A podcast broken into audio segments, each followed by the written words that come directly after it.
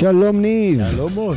שלום גם לכל המאזינים שלנו. ברוכים הבאים לתוכנית הרדיו והפודקאסט. מר מחר, מסתכלים לעתיד בעיניים. תוכנית שלוקחת אותנו לשינויים העצומים שקורים ממש עכשיו מסביבנו ברמה הטכנולוגית, החברתית. שינויים שמעצבים את העתיד שלנו. והיום, הפרק העתיד של הגנטיקה. הביולוג שהעניק לי כישרון מוזיקלי. אתה יודע, ניב, אני, אני מסתכל על כל התחום של הגנטיקה, אנחנו הולכים לדבר עליו היום. אני חושב שאנשים לפעמים לא מבינים עד כמה השיח הזה של הגנטיקה, שנשמע ברור מאליו לכולם, הוא נשמע כאילו מה big deal, ברור, גנים עוברים והכל בסדר, כמה הוא עניין חדש. בואו נחשוב על העניין של הגנטיקה, כמה עשורים בסך הכל הביטויים האלה נמצאים לנו, כמה עשורים אנחנו בכלל יודעים לדבר על המנגנון של גנטיקה בתא, זה דבר סופר חדש, ואחד הדברים, אני חושב, שאנחנו רואים הכי הרבה בפרקים כאן, בתוכנית הזאתי, זה איך בחלק גדול מהתחומים, ההתקדמות ב-20 שנה האחרונות... מטורפת. זהה להתקדמות ב-200 שנים לפני כן. זאת אומרת, קפיצות בכל התחומים האלה. אנחנו מגיעים למקום, אני חושב שבאמת החצי מהשאלות הן בכלל לא ביולוגיות, אלא, גנ... אלא בכלל אתיות. כן, בעצם מה שעוצר אותנו באיזשהו שלב, הטכנולוגיה כבר לא נהייתה המחסום העיקרי, אלא הפסיכולוגיה, הסוציולוגיה, הערכים, כמו שאמרת, כן. האתיקה. ובתחום הזה של הגנטיקה יש כל כך הרבה חידושים, כל כך הרבה דברים שקורים, שאין ברירה, אלא להביא לכאן את המומחה שלנו לתחום הגנטי. אז אנחנו שמחים מאוד לארח את אה, דוקטור דני זאבי. אהלן. שלום, שלום.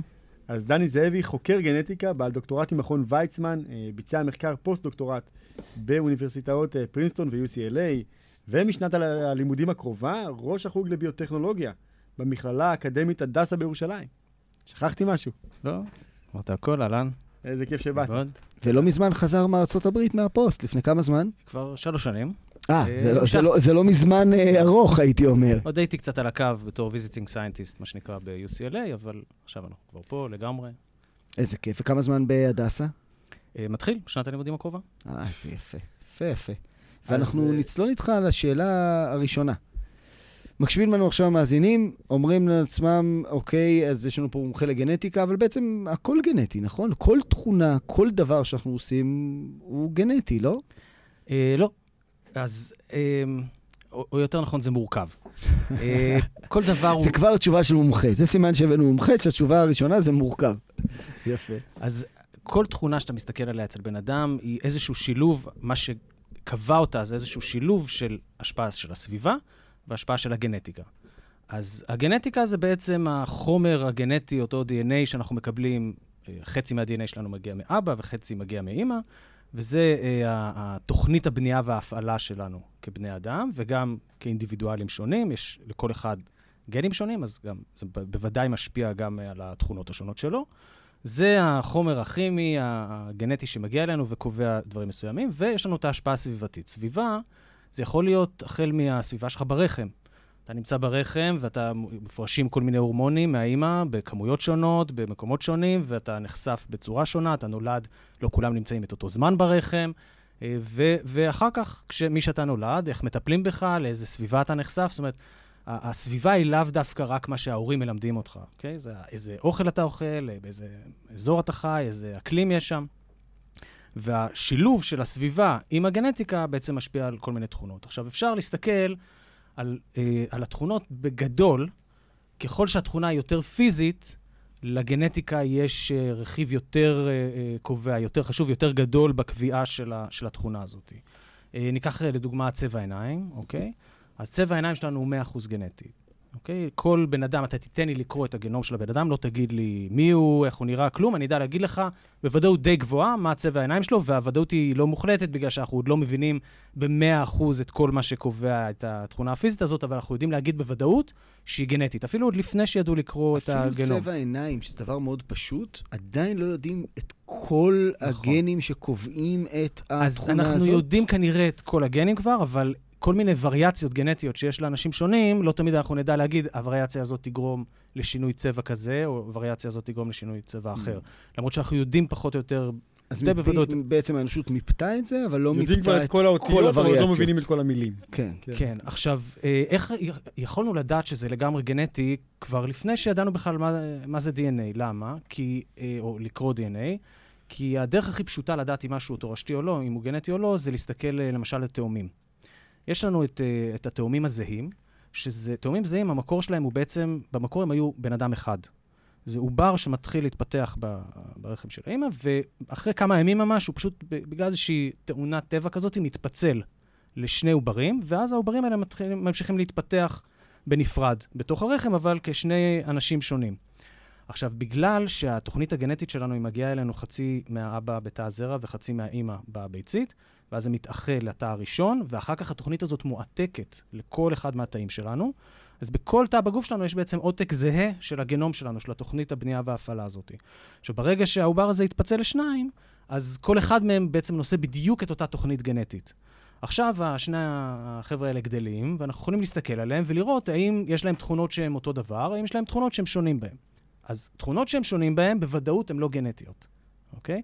כל דבר שהם שונים, למרות זה שהגנטיקה שלהם היא זהה, הם מבטאים תכונה באופן שונה, אז זה אומר בוודאות שהם שונים. תכונות שהן זהות זה לא בהכרח, זה מעלה את הסיכוי שזה גנטי, יכול להיות גם שהם גדלו באותה סביבה, נכון? ולכן הם אכלו בדיוק את אותו אוכל, לא יודע, למדו את אותו דבר, אותם דברים בבית ספר. אפשר. לבדוק תאומים שגדלו במשפחות שונות. אז זה אפשרות אחת, זה מאוד נדיר, זה כמעט כן, לא קיים. קשה למצוא את זה. וכמעט אין תאומים כאלה שמשהו הפרדו בצורה טובה, אבל מה שעושים, מסתכלים על תאומים לא זהים. תאומים לא זהים, אתה מניח שהם גדלו גם כן באותה סביבה, פחות או יותר אכלו את אותו אוכל, למדו באותו בית ספר, אבל הגנטיקה שלהם היא לא זהה, הגנטיקה שלהם היא כמו אחים רגילים, שפשוט גדלו באותו, במקרה באותו זמן ברחם. זה שני עוברים שונים שהתפתחו כל אחד מזרע וביצית אחרת, והם בעצם אחים.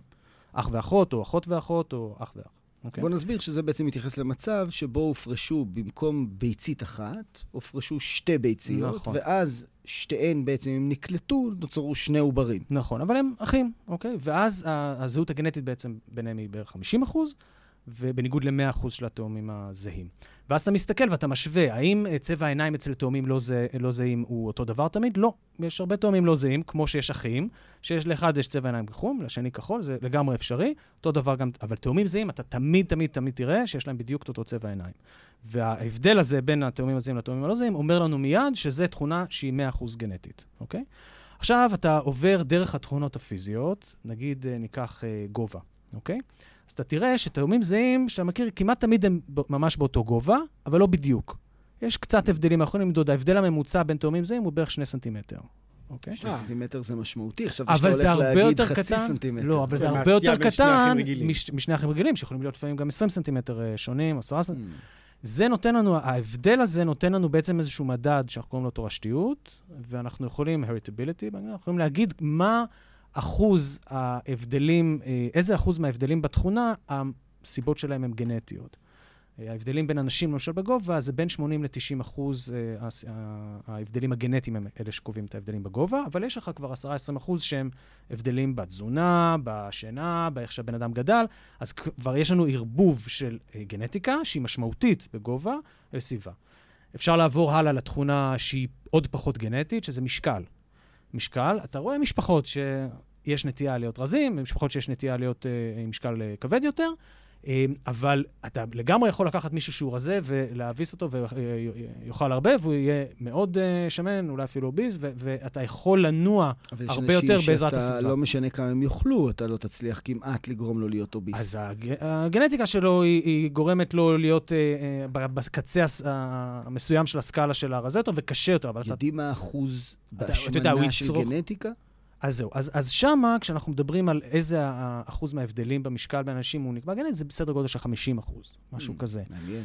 Um, עכשיו, אז עכשיו, אתה יכול לקחת את זה גם, אוקיי, בוא, בוא נשאר בעצם בתכונות, נדבר אחרי זה על מחלות, אבל um, uh, אתה, יש, אתה לא, יכול לקחת כל תכונה ולמדוד פחות או יותר מה הרכיב הגנטי שלה, רק מלהסתכל על תאומים, ואתה יכול גם לעשות מחקרים וממש לחפש את הווריאציות הגנטיות שיש לאנשים שהם, אה, אה, נגיד, גבוהים יותר, נמוכים יותר, ואז אתה גם מוצא הרבה פעמים, ואתה מצליח. אנחנו עוד לא שם כדי להגיד את הכל, כמו שאמרתי, למשל, בצבע העיניים אנחנו יודעים די טוב, אפשר בדיוק של 80-90 אחוז לקבוע מה צבע העיניים של מישהו רק מהגנום שלו, אבל אה, בגובה למשל אנחנו פחות טובים, רק רבע מההבדלים הגנטיים אנחנו הצלחנו למצוא אותם, במשקל עוד פחות. אמ, ו- ואם אני מתקדם עכשיו לתכונות שהן יותר כבר תכונות של אה, אישיות, אופי, אינטליגנציה, דברים כאלה, אנחנו רואים שהרכיב הגנטי, רק מהמחקרי תאומים אפילו, הוא הרבה יותר חלש. אוקיי? וזה גם מאוד הגיוני. המוח האנושי הוא משהו סופר מורכב, שאתה רואה תינוק שהוא רק נולד, הוא לא מסוגל לעשות כלום עם המוח, את הידיים ואת הרגליים הוא יודע להזיז, לגדול, הוא יודע לצבור גובה זה, אבל לצבור אה, אישיות, לצבור אה, אה, ידע, אינטליגנציה, זה דבר מאוד מאוד מורכב שלוקח הרבה זמן והרבה, דורש הרבה גירויים סביבתיים. אגב, חלק מהגירויים הסביבתיים יכול להיות שהם כבר ברחם, זאת אומרת, הסביבה כבר ברחם משפיעה, אבל אנחנו רואים שזה תהליך ארוך, שהוא מושפע מאוד מהסביבה, וזה גם מתבטא כשאנחנו מסתכלים על תאומים. דני, אתה, אתה מדבר על, ה, על המקום הזה של כן גנטי, לא גנטי. אני רוצה לקחת אותך טיפ-טיפה לעתיד של הגנטיקה, ולדברים שאנחנו יכולים להשיג באמצעות עבודת גנטיקה, ואני חושב שהיום כשמדברים על זה, השם שכולם מדברים על זה הוא קריספר, נכון? כן. אז אתה יכול להסביר לנו במילה על הטכנולוגיה הזאת, הפורצת דרך של קריספר? כן. אני אתן אבל איזושהי הקדמונת קטנה, שהיא לדעתי חשובה. אז אחת היכולות המדהימות באמת שפיתחו בעשורים האחרונים זה יכולות ההנדסה הגנטית. זה בעצם לקחת, אנחנו כבר מכירים את הגנום, עכשיו לקחת כלים uh, ביוטכנולוגיים וממש לשנות את הגנום. להוציא אות מסוימת, להחליף אותה באות אחרת. הכלים האלה קיימים כבר הרבה זמן, הרבה יותר זמן ממה שאנשים חושבים, אוקיי? תחילת העבודות, אנחנו מדברים על שנות ה-70, לפני 50 שנה. וואלה? אה, כן. וואו, זה באמת יותר זמן ממה שחשבתי. כן, כן. וממש עבודות קצת יותר רציניות שנות ה-80. אז זה מאוד סמוך לגילוי של הגנטיקה בכלל. אה, 20 שנה אחרי כן, בערך. כן, זה מטורף. כלומר, 20 שנה אחרי שגילו, כבר התחילו להנדס. כן. ו... אה, עם השנים פיתחו אה, כל מיני כלים לעשות הנדסה גנטית. סתם לדוגמה, הבן אדם הראשון שהנדסו אותו גנטית, ששינו לו את הגנום, אה, זאת ילדה בשם אשנטי דה סילבה, שריפאו אותה בעצם ממחלת ילד הבועה, mm. על ידי הנדסה גנטית, וההינדוס שלה קרה ב-1990. אוקיי? אנחנו מדברים על לפני 30 שנה, זה הרבה זמן. וכלים להנדסה גנטית קיימים בארסנל שלנו כבר הרבה מאוד שנים. אנזימי רסטריקציה, ו TALENs, ו zinc fingers, וכל מיני כלים שפיתחו עם השנים. הבעיה העיקרית איתם הייתה שהם מאוד יקרים. אה, לוקח הרבה זמן במעבדה להפעיל אותם, עד שאתה מקבל תוצאה טובה שאתה שמח איתה. פסט פורוד, קרוב לזמננו, בין חמש לעשר שנים ככה האחרונות, אה, התחילה, התחילו מחקרים שגילו בעצם מנגנון שקיים אצל חיידקים בכלל, שמגן עליהם מפני וירוסים. הם מזהים באיזושהי, וירוסים בעבר שנכנסו, אה, אה, אה, הרצפים הגנטיים שלהם ככה נשמרים בחיידק, והוא משתמש בזה כדי לזהות פלישה חדשה של וירוסים ולהילחם בהם. יש, גם לחיידקים יש וירוסים, לא רק לבני אדם יש קורונה ושפעת וכל מיני כאלה, יש וירוסים שתוקפים צמחים, יש וירוסים שתוקפים חיידקים, אז, אז זה מנגנון הגנה של חיידקים. ו... גילו בעצם שהיכולת הזאת שיש לו, יש לו אה, אה, אנזים מיוחד, נקרא קאס 9, קאס 9, שמאפשר לו לזהות, להתאים בין שני רצפי DNA, ממש למצוא את, ה, את רצף האותיות של ה-DNA ספציפי, אה, ואז נגיד לגזור אותו. ככה הם מתמודדים נגד הווירוסים. גוזרים את ה-DNA שלהם אה, ומשמידים אותם. אה, אבל הם יודעים להיכנס ממש ולגזור רצף ספציפי, רצף אותיות ספציפי. לקחו את המנגנון הזה, והביא אותו למעבדה, ואז אנחנו משתמשים, פשוט מהנדסים את החלבון הזה, את הקאס 9 הזה, בצורה מלאכותית במעבדה, ומשתמשים בו כדי לחתוך ולשנות רצפי, רצפים גנטיים כרצוננו, אוקיי? זה ממש כמו שאתה במסמך וורד, יש לך איזשהו טקסט, ועכשיו אתה יכול לסמן איזה מקטע ולעשות uh, cut, אז אתה מוציא אותו, ואתה יכול לעשות paste במקום אחר, ואתה יכול uh, להביא uh, uh, כמה אותיות ולהחליף איזשהו טקסט שיש אה, אה, עם האותיות האלה. אז זה דברים, כמו שאמרתי, אנחנו יודעים לעשות אותם כבר 30-40 שנה באמצעים אחרים. קריספר, מה שהוא אפשר, זה טכנולוגיה שהיא הרבה יותר מהירה, הרבה יותר אה, אה, יעילה, הרבה יותר זולה. אתה יכול עכשיו להיכנס לאינטרנט אה, ולקנות ערכה, אה, ל- ל- לעשות קריספר בבית, אוקיי? לעשות הנדסה גנטית בבית, יעלה לך סדר גודל של 100-200 דולר. זה unheard of. כאילו ולמה אני יכול לעשות? למה? אז הם ישלחו לך חיידקים, אה, שמרים, שאתה תוכל להנדס אותם, אה, זה, ואתה תוכל אפילו אולי גם, אה, אתה תוכל בתיאוריה לתכנן משהו שיעשה לעצמך שינוי גנטי.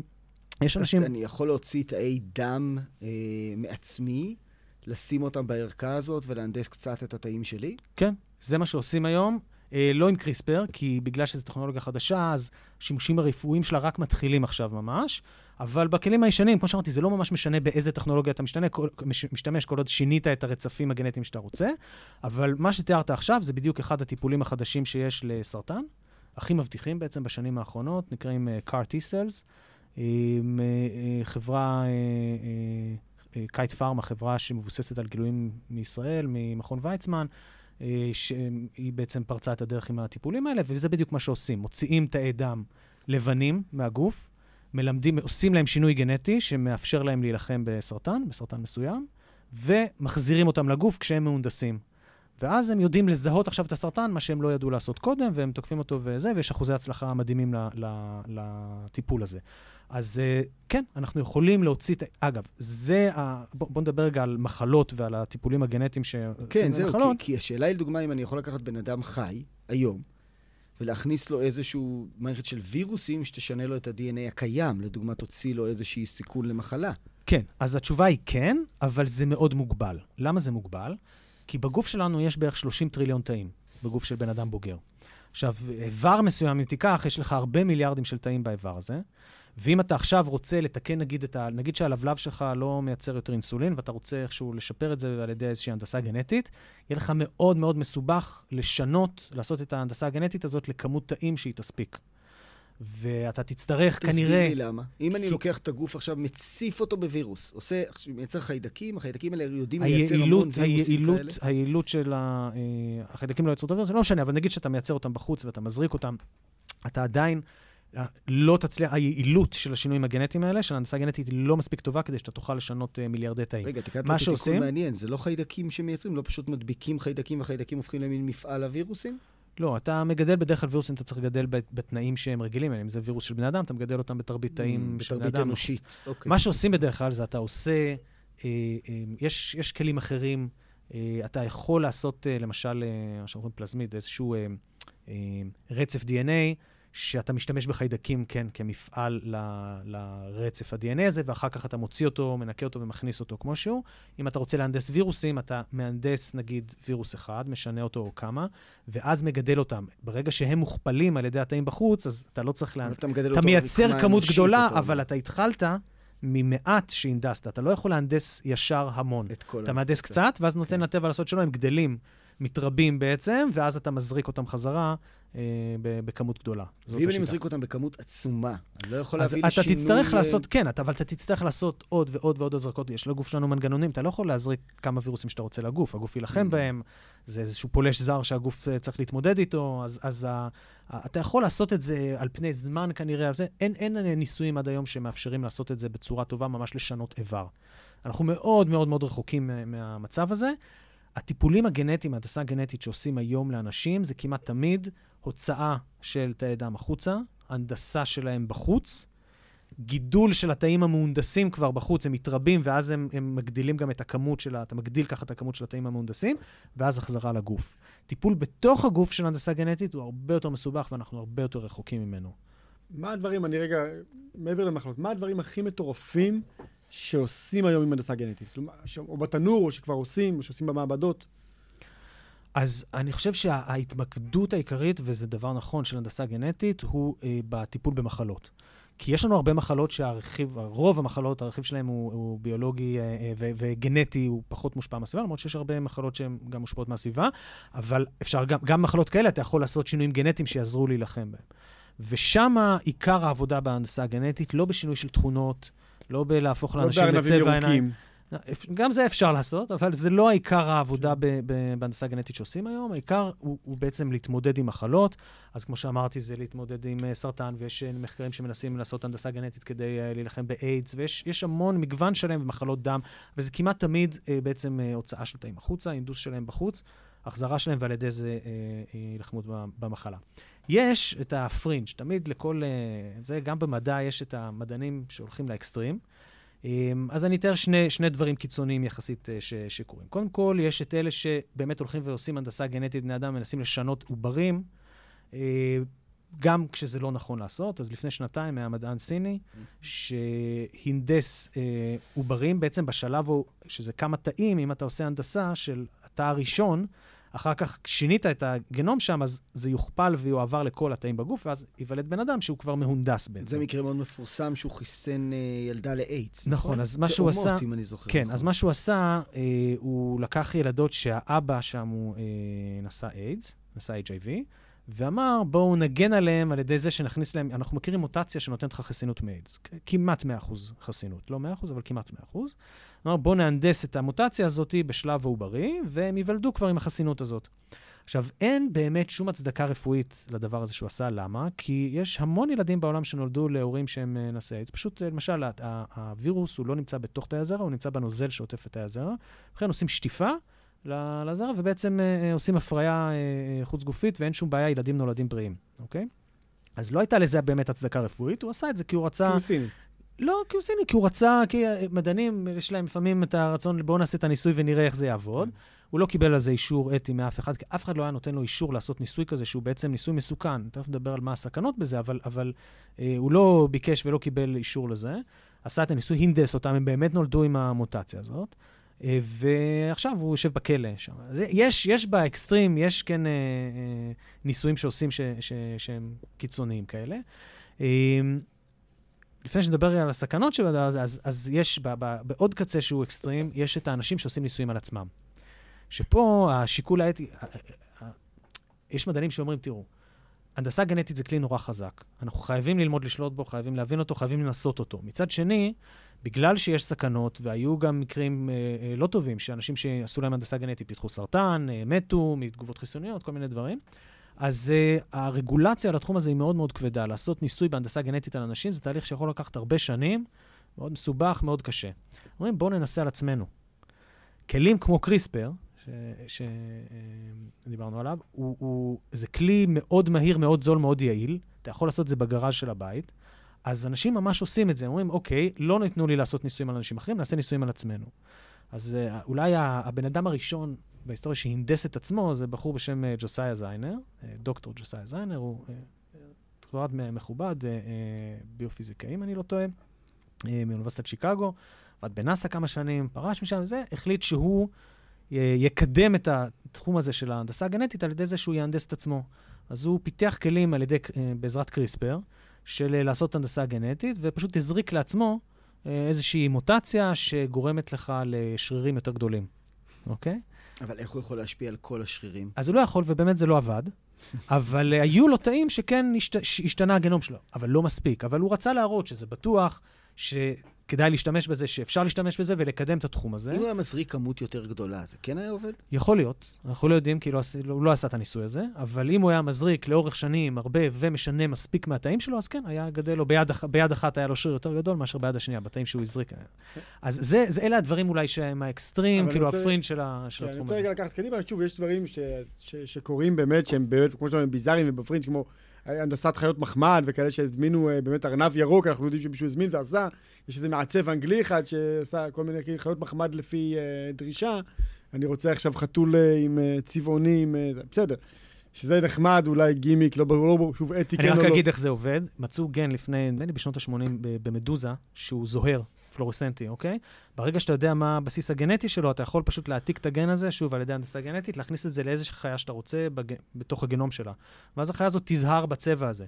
מאז כבר פיתחו, אה, מצאו צו... כל מיני צבעים כאלה, יש ירוק, צהוב, אדום, כל מיני, קיבלו על זה גם פרס נובל, אז, אה, מי שפיתח את כל החלק אה, הגנטי של הצבעים האלה. על מה הפרס ו... נובל שלך? אני גרמתי לחיות לזעור בחושך. כן. למה? אני יכול שיהיה מחר תינוק זוהר, אי אפשר לאבד אותו. בתיאוריה אין שום בעיה. כאילו, כן. אפשר מחר בבוקר, אם מישהו רוצה לעשות את זה, הוא יכול לקחת תאים, לעשות הפריית מבחנה, להנדס את העובר הזה שהוא יהיה זוהר בחושך בירוק, והוא יהיה זוהר בחושך. זה יהיה להיט היסטרי, בנות יאהבו את זה, הוא יהיה שוס.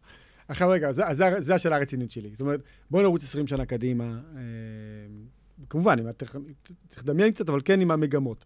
אנשים יהנדסו עוברים, אנשים, אני רוצה תינוק יותר גבוה, נראה לי, כבר, כבר אנחנו יודעים שזה שליטה גנטית, אני רוצה תינוק יותר, אה, עיניים כחולות, זה שליטה גנטית, ויש אולי דברים שאולי נגלה קצת יותר חכם. אני חושב שלא. אני אסביר למה. בואו ניקח את צבע העיניים לדוגמה. אוקיי? צבע העיניים, אין בעיה, אנחנו יודעים שהוא 100% גנטי, אנחנו יודעים ברמה מאוד מאוד גבוהה איפה הוא כתוב בגנום. ואני יכול להגיד לך שאתה יכול עכשיו אה, לבחור פחות או יותר את צבע העיניים של הילדים שלך, כבר היום. אוקיי? Mm-hmm. איך אתה עושה את זה? אתה לא צריך ממש להנדס, אה, ב, בוא נגיד, הנדסה גנטית אה, קשה, אפשר לעשות הנדסה גנטית רכה. מה אני מתכוון? אתה יכול לייצר ב, אה, הרבה עוברי מבחנה. אני לא יודע למה קוראים לזה עובר מבחנה, זה עושים את זה בצלחת פטרי, זה, אוקיי, תינוקות צלחת, לא תינוקות... אה, לוקחים את אה, זרע, תאי ביצית, מחברים אותם, יש לך עכשיו בצלחת עשרה עוברים, אוקיי? עשרים עוברים. כמה שאתה רוצה פחות או יותר, אם צריך להוציא כמה... המגבלה זה כמה ביציות אתה יכול אה, להוציא מה, מהאישה. כן. עכשיו, מכיוון שצבע העיניים הוא נגרם לא מגן אחד, הוא נגרם משילוב של כמה גנים, מה שיהיה לך בצלחת זה הרבה קומבינציות, ויהיה לך הרבה גווני עיניים. אנחנו יכולים לקחת, לקרוא את הרצף הגנטי של כל אחד מהעוברים האלה. אני אגיד לך, זה יהיה כחול, זה יהיה ירוק, זה יהיה חום, ואתה תוכל לבחור. תראה, שלי בשביל אשתי, זה לי, זה חום, זה חום, זה חום, זה חום. אז, זה ששניכם יש עיניים חומות, זה אומר באמת שהסטטיסטית יהיה הרבה יותר, אבל זה לא, לא אומר שלא יהיה גם וגם. אין שום בעיה שלשני זוג עם עיניים חומות יהיו להם לא צריך שמישהו בצלחת הזאת- מהסבאים יהיה, לא... אז יש, א', כן, אבל גם יכולות להיות מוטציות בין מה שאתה Mm. העברת לבתי הזרע שלך, ו- ו- או מה שאשתך העבירה בבתי הביצית שלה, אבל בסופו של דבר, אתה, בהחלט יכול להיות שיהיה לך איזשהו מגוון, לפחות בגוונים, ואתה תוכל לבחור. זה משהו שקיים היום. זו טכנולוגיה שקיימת היום, היא טכנולוגיה שקיימת, אה, אה, אה, אה, אבחון אה, טרום השרשתי, אנחנו קוראים לזה, זה, זה קיים כבר אה, אה, הרבה זמן, ואתה לא רואה אף אחד עושה את זה. למה?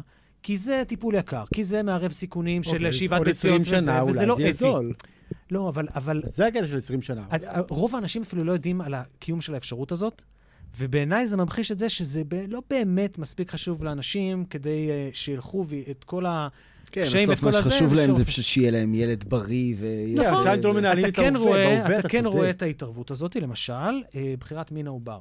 משתמשים כן. בדיוק בטכנולוגיה שתיארתי עכשיו, כדי לבחור אם יהיה בן או בת. יש אפילו בארץ, אתה יכול לעשות את זה אם יש לך ארבעה ילדים אה, מאותו מין.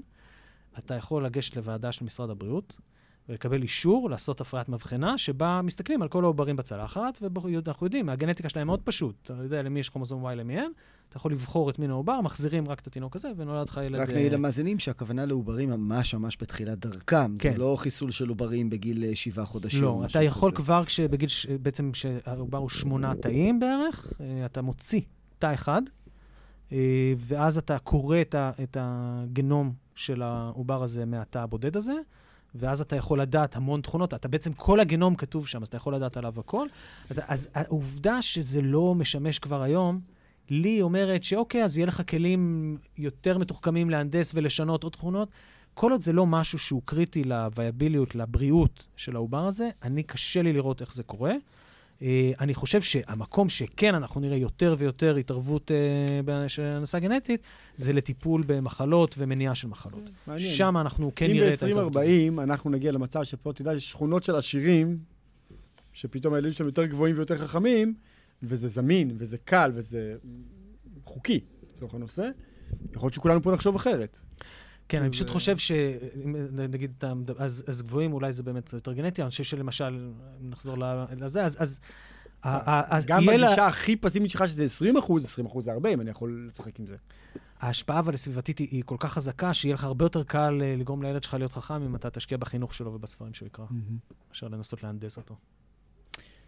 אז להשקיע בילד שלך שיקרא ספרים ויהיה חכם, זה המסר שאיתו אנחנו uh, מסיימים. ואנחנו נגיד לך, דני, הרבה הרבה תודה על הידע שרכשנו ועל ההבנה שרכשנו, ונגיד גם תודה על הצוות שלנו, לרבית בן יהודה, אשר uh, על ההפקה. נגיד תודה ליאיר גוטרמן על העריכה של הפודקאסט, נגיד תודה לקובי קלר על האולפן המקסים, וליניב ולרינה בניון מרדיו צפון 104.5. ונגיד לך ולכל המאזינים שלנו, שיהיה יום אה, נפלא נפלא, ולהתראות לכולם.